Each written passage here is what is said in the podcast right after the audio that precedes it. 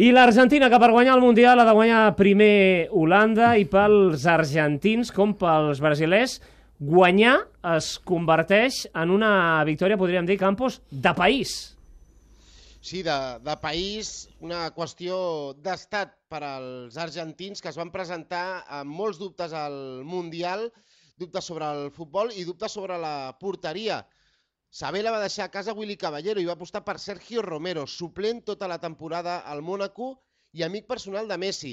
El Mundial de Romero fins ara supera les expectatives. Ha fet aturades decisives, per exemple, en el partit de vuitens de final contra Suïssa. Avui Romero es retroba amb el seu gran balador al futbol europeu, Louis van Gaal, el seleccionador holandès.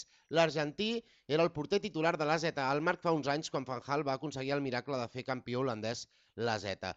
Romero viu amb aquesta intensitat en la intensitat argentina tot el que està passant en aquest Mundial. Para mí, el arco, yo estoy parado delante del arco, pero dentro del arco está mi familia y todos los argentinos. Y yo no quiero que me hagan gol. Y sufro cuando me hacen goles. Nosotros le ganamos a Bosnia 2 a 1 y yo sufrí porque me hicieron un gol. Nosotros ganamos a Nigeria 3 a 2 y lo primero que le dije a mi señora por teléfono es estoy recaliente porque me hicieron dos goles. Y mi señora me, dijeron, uh, me decía, bueno, pero no, estoy recaliente, a mí no me gusta que me hagan goles y ella lo sabe. Messi ha de guiar l'Argentina, Romero ha d'evitar els gols de Holanda, Enzo Pérez serà el substitut del lesionat Di Maria i no està tan clar que Agüero, tot i estar recuperat, sigui titular en una Argentina que ha rebut un cop inesperat a les últimes hores i viu commocionada per la mort aquesta nit en accident de cotxe del periodista Jorge Topo López. Una notícia de les que costen de creure tot i que siguin mm. realitat. L'Argentina que compta Messi, però Holanda, Laia, ja, ja és per aquí una altra vegada, no? Sí, sí, ja, ja he arribat aquí, a la base del, que dèiem. Del quios. Dic que Holanda també té gol, té gol amb Robben, un jugador que pot trencar en qualsevol moment al partit.